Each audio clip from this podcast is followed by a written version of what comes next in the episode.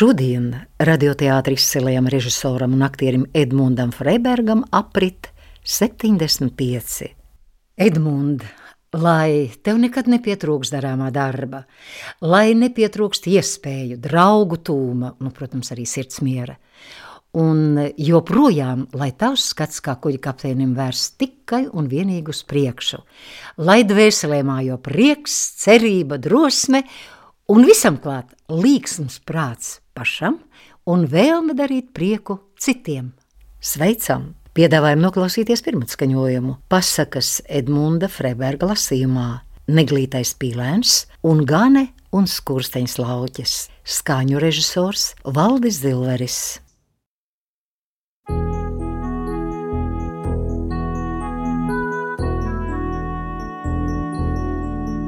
Neglītais pīlēns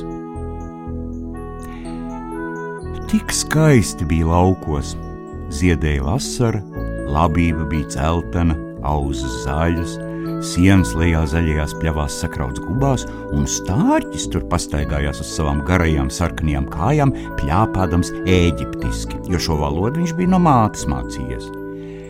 Visapkārt tīrumiem un pļavām bija lieli meži, un mežu vidū dziļi ezeri. Jā, laukos patiešām bija skaisti. Saules apspīdēta tur stāvēja veca mūža ar dziļiem kanāliem apkārt, un no mūra sienas līdz pašai ūdensmalai auga lieli dāģi. Tik gari, ka maz bērns zem pravākajām lapām varēja izslieties visā augumā. Tur bija tik tumšs kā visbiezākajā mežā, un tur savā līgzdā tupēja pīle. Viņai vajadzēja izpērēt mazos pīlēnus, bet nu jau viņai sāk apnikt, jo laiks vilkās pa galam gausi, un citas pīles viņu apciemoja reti. Tām labāk patika peldēt pa kanāliem, nekā nākt augšā un tupēt zem daļu lapām, lai papēkšķētu ar viņu. Beidzot, olas plīsa cita pēc citas, atskanēja ēk, ēk. Visi olu dzeltenumi bija atdzīvojušies un bāza galvas ārā. Pēk, pēk, steidzieties, nu! Pīla teica, un pīlēna arī steidzās cik spēdami un skatījās uz visām pusēm zem zaļajām lapām, un māte ļāva viņiem skatīties, cik vien viņi gribēja, jo zaļā krāsa esot acīm veselīga. Cik pasaule liela! Mazuļi brīnījās, jo nu viņam patiesi bija pieejama citāda plašuma nekā toreiz, kad viņi vēl gulēja olā. Vai jūs domājat, ka tā jau visa pasaule? vaicāja māte. Pasaule plešas tālu līdz dārza otram galam un viņpus dārza vēl tālāk, mācītāja laukā, bet es jau tur nekad neesmu bijusi. Nu, vai visi esat kopā? Viņa piecēlās. Nē, nav gan vēl visi. Vislielākā ola vēl nav pāršķīlusies, nu cik ilgi vēl būs jāgaida, man jau pavisam apnicis, un viņa atkal notupās perēt. Pēk, pēk, no, kā tad klājas? jautāja kāda veca pīle, kas bija atnākusi viņu apciemot. Ar to vienu olu neiet nekādā galā, perētāji atbildēja, nemaz negrib plīst pušu, bet paraugies vien uz tiem citiem.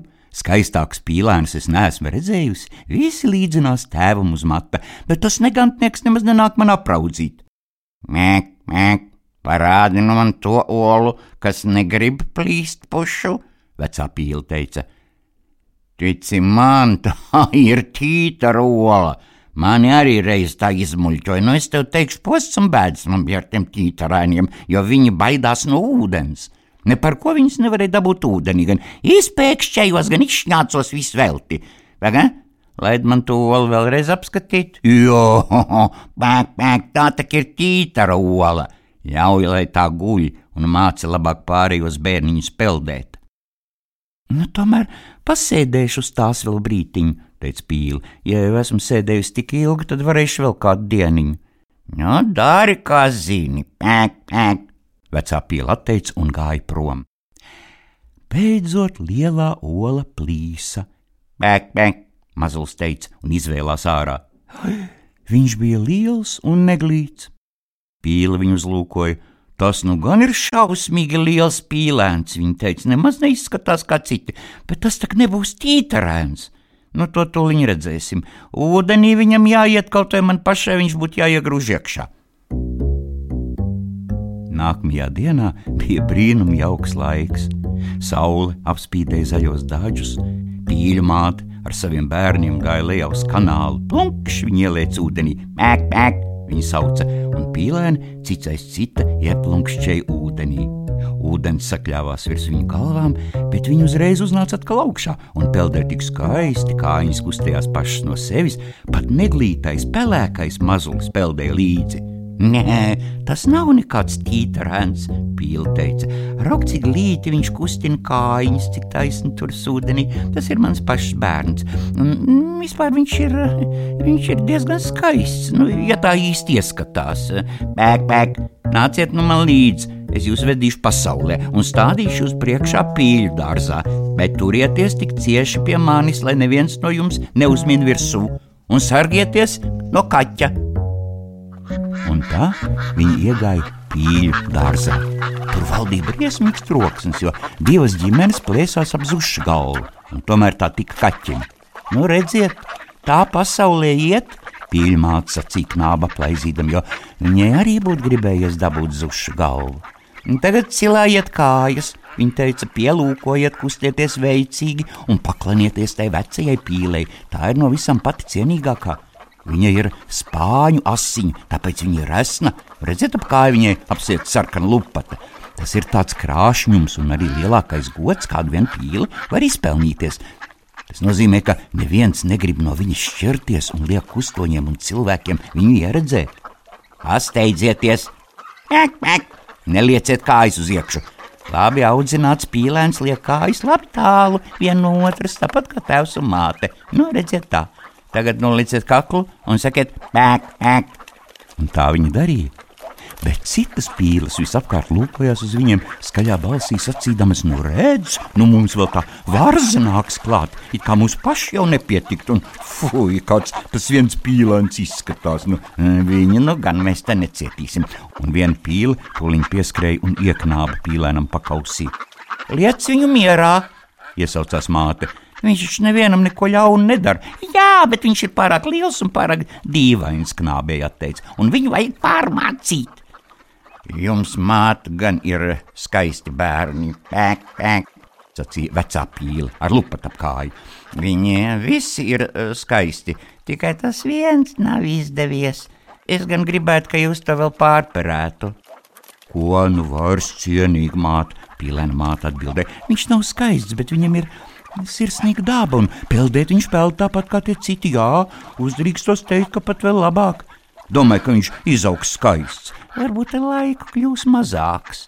Viņš olā ir gulējis par ilgu, tāpēc nav pareiza auguma. Un viņa paraustīja to aiz cekulu un noglauda viņam spalviņas.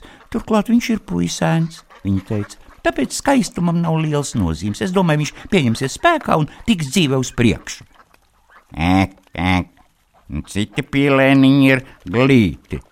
Vecā teica, nu, jūtieties kā mājās, un ja atradīsiet kādu zušu galvu, tad to atnesiet man. Ēk, ēk, ēk. Un viņi jutās kā mājās. Bet nabaga pīlēns, kurš no olas bija izšķīlies pēdējais un izskatījās tik nejauks, visi knāba, grūsti, apsmēja un to darīja gan pīles, gan vistas. Viņš ir par lielu, viss teica, un tītara tēviņš, kas jau ar piešiem bija nācis pasaulē, un tāpēc domāja, esot ķeizars, piepūtās kā kuģis pilnām burām, gāja viņam taisni virsū, nikni buldurē un kļuva gluži sarkans. Nabaga pielēns nezināja, kur sprukt. Viņš bija pagalam noskums, jo izskatījās tik atbaidoši un bija visam pīļu dārzam par izsmieklu. Tā tas gāja pirmo dienu, un tālāk jau dienas, jo ļaunāk. Nabaga pīlēni tramdīja visi, pat paša brāļa un māsas izturējās pret viņu ļauni, un alaži sacīja, kaut kaķis tevi aiznes tur iebīgais ērams, un māte sacīja, kaut tu būtu tālu prom, un pīles viņu koda, vistas knāba, un meitene, kurai vajadzēja putnus barot, spēra viņam ar kāju, tad viņš bēga un pārlaidās par sētu. Mazie putni krūmos nobijās, uzspurts gaisā, Tas tāpēc, ka esmu tik nejauks, domāja pīlēns un aizvēra acis, tomēr skrēja tālāk. Tad viņš nonāca pie lielā purva, kur dzīvoja meža pīles. Te viņš nogulēja visu nakti, jau bija gaužam piekusis un noraizējies. No rīta gaisā pacēlās meža pīles un ieraudzīja jauno biedru. Kas tu tāds? viņas vaicāja, un pielēns grozījās uz visām pusēm un sveicināja, cik vien labi mācēdams. Hehe, tu nu gan esi atbaidošs, meža pīlis teica, bet mums tas pilnīgi vienalga, ja vien tu nemēģinās ieprecēties mūsu ģimenē. Nābadziņš, viņš nedomāt, nedomāja par precēšanos, tik vien vēlējās, lai viņam ļautu gulēt niedrēs un padzerties purva ūdeni. Tā viņš gulēja veselas divas dienas, tad pāri purvam laidās divas meža zosis, vai precīzāk sakot, divi meža zosu tēviņi. Nebija pagājis necik ilgs laiks, kopš viņi izšķīlušies no olas, tāpēc abi bija tik braurīgi. Klausies, draugs! Viņu uzsauc. Tu esi tik nejauks, ka mums tīri labi patīk. Vai negribi doties mums līdzi, kļūt par gājputnu? Tepat netālu atrapurvā dzīvo mīlīgas un daļas meža zosis, visas vēl jaunkundzes, kas protekt pēk, pēk. Tur tu gūsi panākums, tik nejauks tu esi. Pif, paf, pēkšņi atskanēja augšā, un abi meža zosis tēviņi nokrita beigti niedrēs un ūdens nokrāsojās asiņu sarkanumā. Pif, paf, noskanēja atkal, un no niedriem veseliem bariem pacēlās meža zosis, un šāvienā rībēja vēl. Notika lielas medības. Mednieki bija aplenkuši puru no visām pusēm, daži pat sēdēja koku zaros, kas plitās pār niedrēm. Zili dūmi kā mākoņi parādījās starp tumšajiem kokiem un aizstiepās tālu pār ūdenim. Pa dūksnāju pradāja medību sunu. Plakš, plakš, Meldri un niedras līgojās uz visām pusēm. Nabaga pielēns bezgalīgi pārbijās. Viņš pagrieza galvu, lai pabāztu to zem spārna, bet tajā pašā brīdī pavisam tuvu ieraudzīja briesmīgi lielu suni. Mēle tam bija gara, izkārusies no mutes un acis nejauki zvēroja. Viņš jau gandrīz piedūra purnu pīlēnam, attiezās uz zobus un plakš, plakš aizgāja tālāk. Pīlēnam neko nedarījis. Paldies Dievam! Nopūtās pīlēns. Es esmu tik pretīgs, ka pat suns negrib man kost.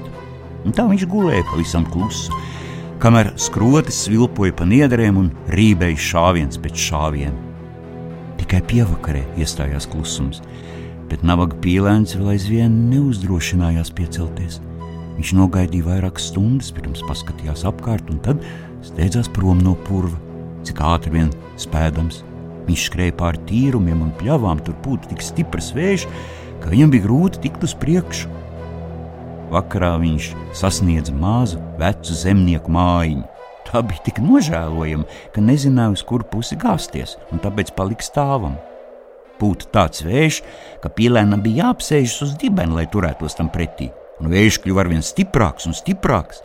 Tad viņš pamanīja, ka mājas durvis ir izlēkušas no eņģiem un karājas tik šķīvi, ka pa šo šķirbu varētu ielīst istabā, un to viņš arī darīja. Te dzīvoja kāda vecenīte ar savu runci un vistu. Kaķi viņu sauc par dēliņu, un tas prata mest kūkumu un murrāt. Viņš pat meta dzirksteles, bet tad bija jāglaud pret spalvu. Vistai bija gauži mazas un īsas kājas, un tāpēc vecenīti viņu sauc par kikeri īskājīti. Viņa čakludēja olas, un tāpēc vecenīti viņu mīļoja kā savu pašas bērnu. No rīta svešais pīlāns uzreiz tika pamanīts, un kaķis sāka murrāt un vista klukstēt. Kas tad tas? Vecenīte brīnījās un skatījās visapkārt, bet labi neredzēdama, nodomāja, ka pīlēns ir trekna pīle, kas apmaldījusies.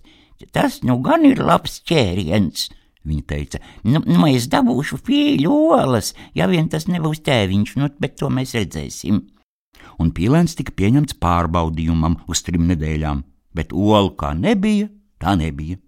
Un kaķis bija mājas saimnieks, un viss saimnieks, un abi vienmēr teica, mēs un pasaule jo uzskatīja, ka viņa esot puse no pasaules, un turklāt vēl labākā puse.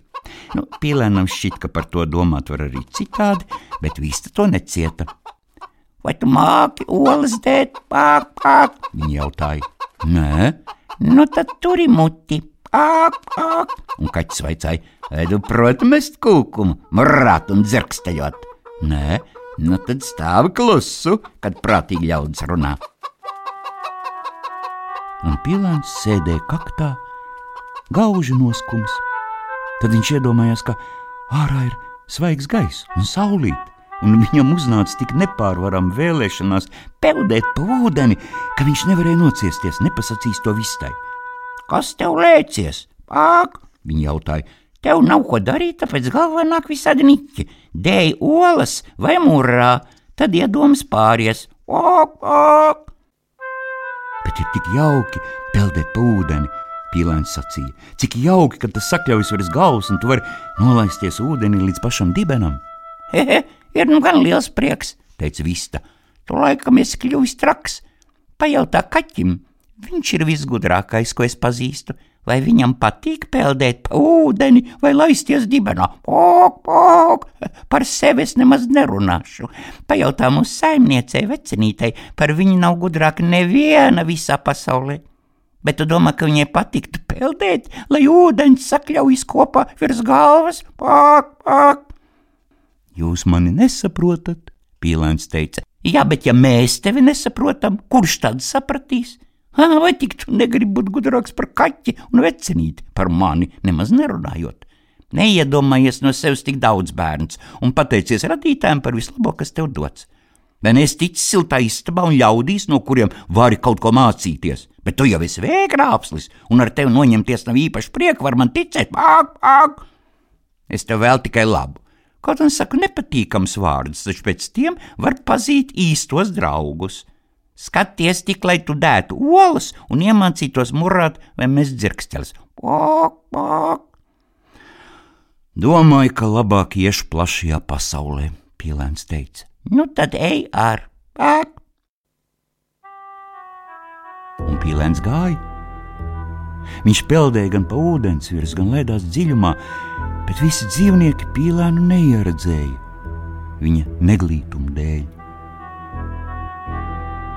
Tad pienāca rudens, lapas mežā kļuva dzeltenas un brūnas, vējš tās sagrāba un nesvirpuļos visapkārt, un debesis augšā izskatījās augstas.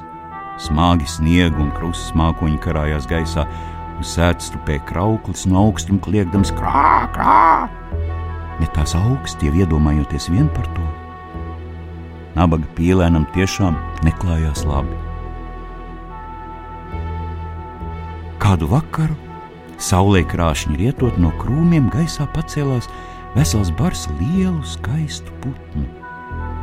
Tādu skaistumu pīlēns vēl nekad nebija redzējis. Putni bija mirdzoši balti ar gariem, lokaniem kakliem.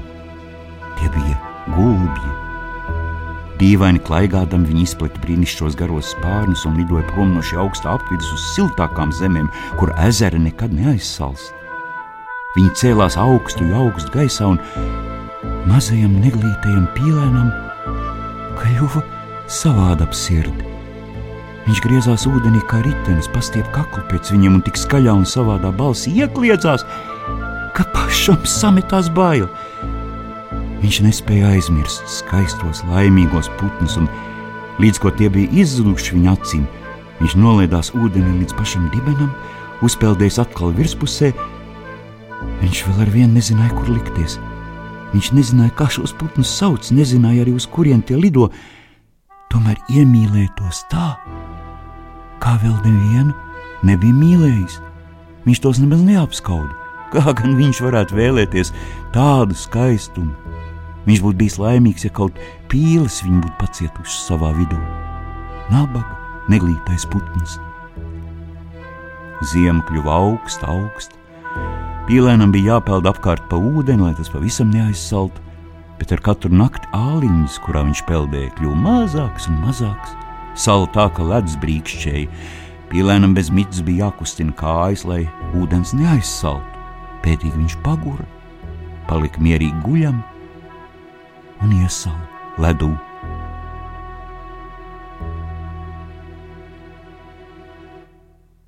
Agri no rīta nāca kāds zemnieks, viņš ieraudzīja pīlēnu, piegāja klāt ar koku tupeli sasīt ledu gabalos un aiznesa pīlēnu sievai uz māju.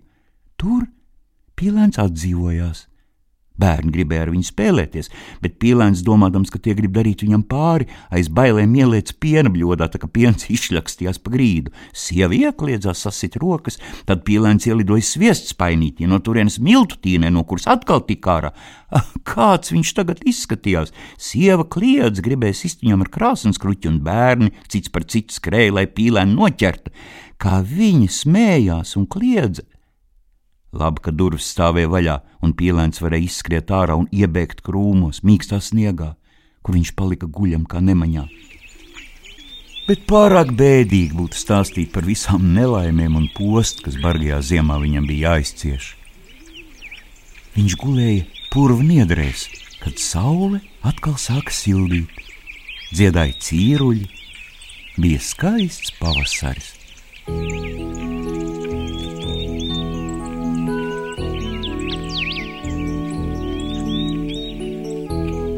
pēkšņi viņš pacēlās spārnos. Tieši vīkstēja stiprāk nekā agrāk un spēcīgi nes viņu uz priekšu.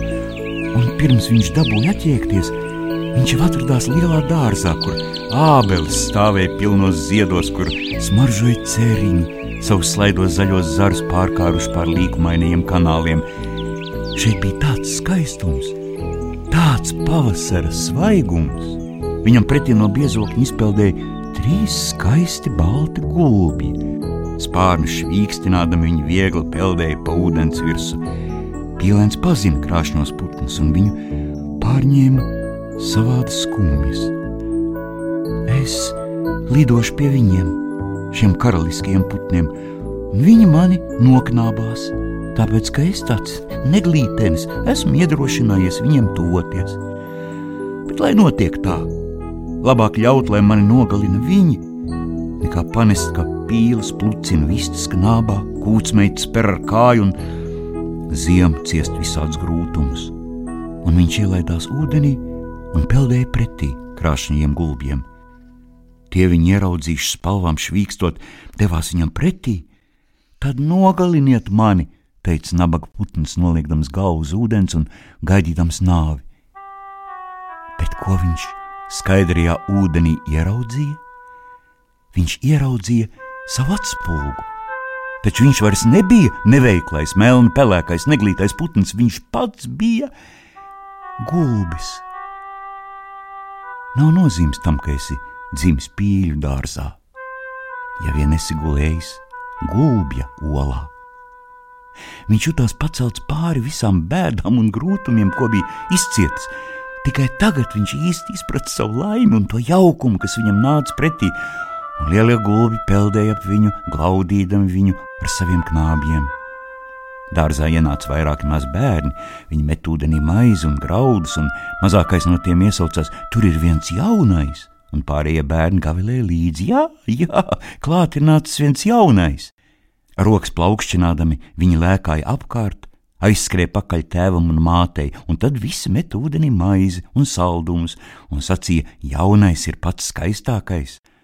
Tik jauns un skaists, un vecie gulbi paklanījās pret viņu Tad viņš gluži nokaunējās un paslēpa galvu zem spārniem. Viņš jau nezināja, kā izturēties. Viņš bija pārlieku laimīgs, bet nebija nemaz lepns, jo laba sirds nekad nekļūst lepna. Viņš domāja par to, kā ticis vajāts un nicināts, un tagad dzirdēja visus sakām, ka viņš ir skaistāks par visiem putniem.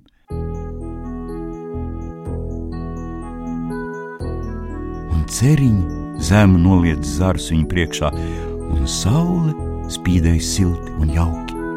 Tad viņa spārni nošvīkstēja, slaidais kakls pacēlās, un viņš gavilēja no visas sirds. Tādu laimi es pat nesapņoju, kad biju neglītais pīlēns.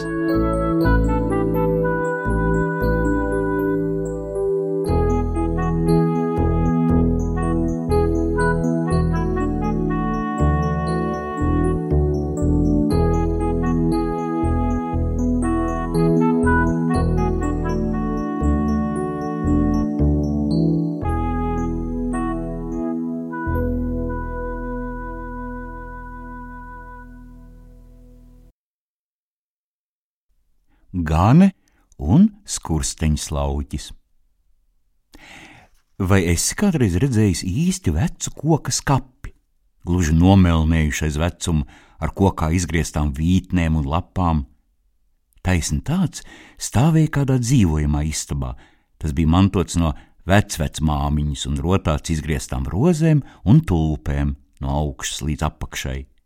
Tur bija visdīvainākie raksti, un starp tiem bija redzamas mazas briežu galviņas ar žuburainiem ragiem, bet skapju vidū bija izgriezts vesels vīrs. Viņš patiesi izskatījās jocīgs un turklāt ņirdza. Par smiešanos to nevarēja saukt. Viņam bija āža kājas, radziņa pierē un gara bārda. Bērni allaž saukāja viņu par āža kājas virsmu un apakšģenerāla kara komandieru seržantu, jo tas ir, nu, grūti izrunājams vārds un nav visdaudz tādu, kam tāds tituls piešķirts. Izgriezt tādu arī nebija nieka darbs, bet tāds nu viņš bija, un vienmēr raudzījās uz galdiņa zem spoguļa, jo tur stāvēja maza, klīta porcelāna gāne Kurpes viņai bija apzeltītas, bruncīši jauku uzsprausti ar sarkanu rozi, un tad viņai vēl bija zelta cepure un gana spieķis, viņa bija skaista. Viņai līdzās stāvēja mazs skursteņš lauķis, melns kā ogle, un arī viss caur no porcelāna. Viņš bija tikpat glīts un tīrs kā jebkurš cits. Par skursteņš lauķi, par to jau viņš tikai izlikās. Porcelāna meistars tikpat labi būtu varējis iztaisīt viņu par princi, tas pats vien būtu. Tur viņš stāvēja ar savām kāpnītēm, tik līti, sejā tik balts un sārts kā meitene, un vispār jau tā bija kļūda, jo drusciņš melns viņš gan varēja būt. Viņš stāvēja pavisam tuvu ganēji. Abi bija nolikti tur, kur tie stāvēja, un tā kā bija nolikti, tad arī bija sadarinājušies. Viņi taču derēja viens otram, abi jauni ļaudis, abi no porcelāna un abi vienādi trausli. Turpat tūmā stāvēja vēl viena lelle, trīsreiz lielāka. Tas bija vecs ķīnietis, kurš varēja galvu klanīt. Viņš arī bija no porcelāna un teica, ka esot mazās ganis vecs tēvs, bet to viņš laikam nevarēja pierādīt. Viņš apgalvoja, ka viņa esot tā varā, un tāpēc bija pamājis ar galvu āža kājas virs un apakš ģenerāla kara komandieru seržantam, kurš mazo gani pildināja. Tas tev būs īsts vīrs, vecais ķīnietis teica Vīrs, kas man gandrīz vai šķiet ir no sarkana koka. Viņš var padarīt tevi par āža kājas virsmu un apakšģenerāla kara komandieru seržantieni. Viņam viss kaps pilns ar sudrablietām, neskaitot to, kas viņam slepenījās slēptuvēs. Es negribu līst tumšajā skapī, mazā gani teica. Esmu dzirdējis runājumu, ka viņam tur iekšā esot 11 porcelāna sievu. Tad tu vari būt 12. Ķīnietis atbildēja. Šonakt, tik līdz vecajā skapī nobrakšķēs, jums būs kāzas, tik tiešām kā esmu ķīnietis. Un tad viņš paklanīja galvu un aizmiga. Bet mazā gani raudāja un skatījās uz savu sirds mīļoto, uz porcelāna skursteņa lauķi. Domāju, ka lūkšu tevi, viņa teica, iet ar mani plašajā pasaulē, jo te mēs nevaram palikt. Es gribu visu, ko tu gribi Mazais skursteņš lauķis atbildēja: Iesim tūlīt, domāju, gan ka prasdams savu arodu, spējuši tevi apgādāt. Kaut mēs jau būtu laimīgi tikuši no galda zemē, viņa teica, man nebūs prieka, pirms nebūsim plašajā pasaulē. Un viņš mierināja viņu un rādīja, kur lai viņa liek savu kājiņu uz galda kājas izgrieztajām malām un apzeltītajām lapām. Savas kāpnes viņš arī ņēma palīgā, un tad viņi bija zemē uz grīdas, bet, kad viņi paskatījās uz veco skapi, tad tur valdīja liela rosība. Visi kokā grieztie brieži, snaigstīja galvas, cilāja rāgus, grozīja kaklus. Āža kājas virs un apakš ģenerāla kara komandieris seržants lēca augstu gaisā un sauc veciem ķīnietim: Nu viņi bēg, nu viņi bēg! Tad viņi drusciņi sabijās un mudīgi ielēca zemes kapīšu atvilknē. Tur gulēja trīs, četras spēļu kāršu kavas, kas nebija pilnas, un masleļu teātris, kas bija uzstādīts tik labi, cik no nu labi atvilknē tas iespējams. Tur tika spēlēta komēdija, un visas dāmas, gan kāravu, un ērcenu, gan kreicu un pīķu, sēdēja pirmajā rindā un vēdināja ar savām tulpēm, un aiz tām stāvēja visi kalpi, rādīdam, ka tiem ir galvas gan augšā, gan apakšā, nu kā jau tas kārtīgi mēdz būt. Komēdijā bija stāstīts par diviem, kuriem liekts dabūt vienam otru, un gani par to raudāja, jo tas bija itin kā viņas pašas stāsts. To es nevaru izturēt, viņi iesaucās, man jātiek ārā no atvilknes. Bet, kad viņi nonāca uz grīdas un paraudzījās uz galdu, vecais ķīnietis bija pamodies un šūpojās ar visu augumu, jo apakšā viņš taču bija no viena gabala. Nu, vecais ķīnietis nāk, iekļiedzās mazā gane un nokrita uz saviem porcelāna celīšiem. Tik bēdīgi viņi bija. Man ienāca prātā doma. Skursteņš lauķis ieteicās, vai neierāpsimies lielajā vāzē, kas stāv kaktā. Tur mēs varētu gulēt uz rozēm un lavandām un mest viņam sāli acīs, kad viņš nāks. Tā nav izēja, viņa sacīja. Turklāt es zinu, ka vecais ķīnietis un vāze kādreiz bijuši saderināti, un vienmēr paliek pāri kāda drusciņa labvēlības, kad ir bijušas tādas attiecības. Nē, nē, neatliek nekas cits, kā vien doties plašajā pasaulē. Vai tev tiešām ir drosme iet ar mani plašajā pasaulē? Skursteņš lauķis jautāja, vai esi apdomājis, cik liela ir pasaule, un ka mēs nekad nevarēsim šeit atgriezties? Esmu viņa atteica. Un skursteņš lauķis gluži stīvi raudzījās viņā, un tad teica: Mans ceļš iet pa skursteni. Vai tev tiešām ir drosme līst kopā ar mani caur krāsni, gan pāri režģiem, gan pa cauruli? Tad mēs nokļūsim skurstenī, un tur es protu rīkoties. Mēs uzkāpsim tik augstu, ka viņi nespēs mūs panākt, un pašā augšā ir caurums uz plašo pasauli. Un viņš veda gani uz krāsnes durvīm. Nu, izskatās gan melns, gan sacīja, tomēr gāja kopā ar viņu gan pāri režģiem, gan pa cauruli, kur bija gluži melna nakts. Nu, mēs esam skurstenī, viņš teica, un skaties, skaties, augšā mirdz viskrāšņākā zvaigzne. Un tā bija īsta debesu zvaigzne, kas spīdēja taisni lejā uz viņiem, kā gribētu rādīt ceļu un viņi rāpās, un viņi līda. Briesmīgs ceļš tas bija tik stāvs, tik stāvs, bet skursteņš lauķis cēla un palīdzēja. Viņš turēja gāni un rādīja labākās vietas, kur viņa likt mazās porcelāna kājiņas, un tad viņi sasniedz pašu skursteņa malu un apsēdās uz tās, jo bija nepajokam nokusuši, un bija jau arī ko nokust. Debesis ar visām zvaigznēm bija augšā, un visi pilsētas jumti apakšā Viņi redzēja tik tālu apkārt, tik tālu pasaulē. Nabaga gana nekad nebija varējis neko tādu iedomāties. Viņa piekļāva galvu viņas skursteņa lauķim un raudāja tā, ka viņas jostai atlupa zeltījums. Tas ir par daudz, viņš šņukstēja. To es nevaru izturēt. Pasaule ir pārāk liela. Kaut es atkal būtu uz galdiņa zem spoguļa. Nekad man nebūs prieka, pirms atkal nenokļūšu tur. Nu, esmu pavadījis tevi plašajā pasaulē, tu jau nu gan varētu pavadīt mani atpakaļ, ja mani kaut drusciņi mīli. Un skursteņš lauķis runāja ar viņu prātīgi, runāja par veco ķīnieti un āža kājas virsmu un apakš ģenerāla kara komandieru seržantu, bet viņš ņukstēja tik briesmīgi un bučoja savu mazo skursteņu lauķi tā, ka viņš nevarēja darīt neko citu, kā vien paklausīt viņai kaut arī tas bija pavisam aplam. Un viņa atkal ar lielām pūlēm rāpās pa skursteni leju, un viņa līda pa cauruli un pāri režģiem. Tas nepavisam nebija patīkami, un tad viņa stāvēja tumšajā krāsnī. Te viņa klausījās aiz durtiņām, lai uzzinātu, kas notiek istabā.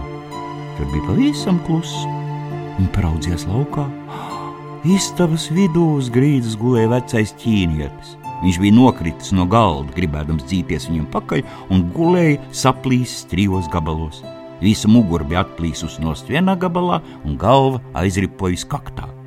Āža kājas virsmas un apakš ģenerāla kara komandieris seržants stāvēja, kur vienmēr bija stājis un visu pārdomāja. Tas ir šausmīgi, mazā gan iesaucās. Vectēvs sasities gabalos, un mēs pie tā esam vainīgi. To es nekad nepārdzīvošu un tad viņa lauzīja savas sīkās rociņas. Viņu vēl var salāpīt, skursteņš lauķis teica. Viņu ļoti labi var salāpīt, necelnu brēku.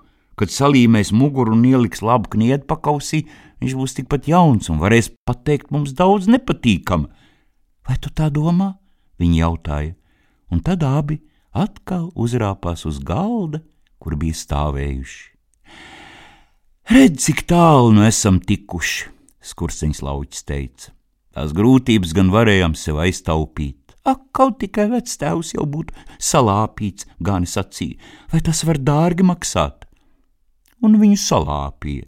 Ģimene lika salīmēt muguru, kaklā tika ielikta laba kniede, Viņš bija tikpat kā jauns, bet galvu klanīt vairs nevarēja.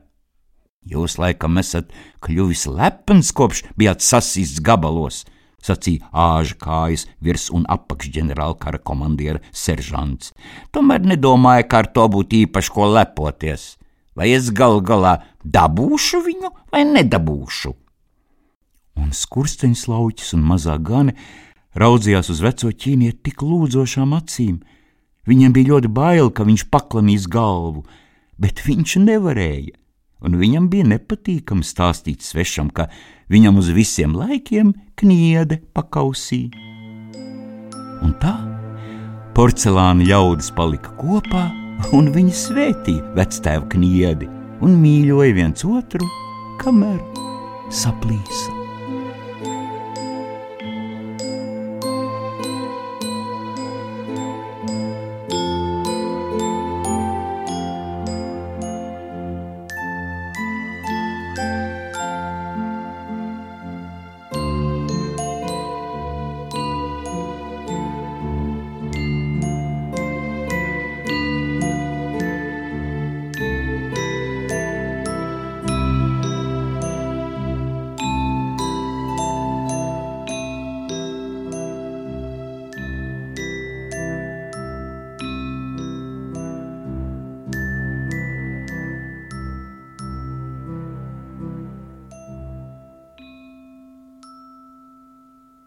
Jūs dzirdējāt pasakas šīs dienas gaviļnieka Edmunda Freiberga lasījumā. Skaņu režisors Valdis Zilveris, 2023. gada ieraksts.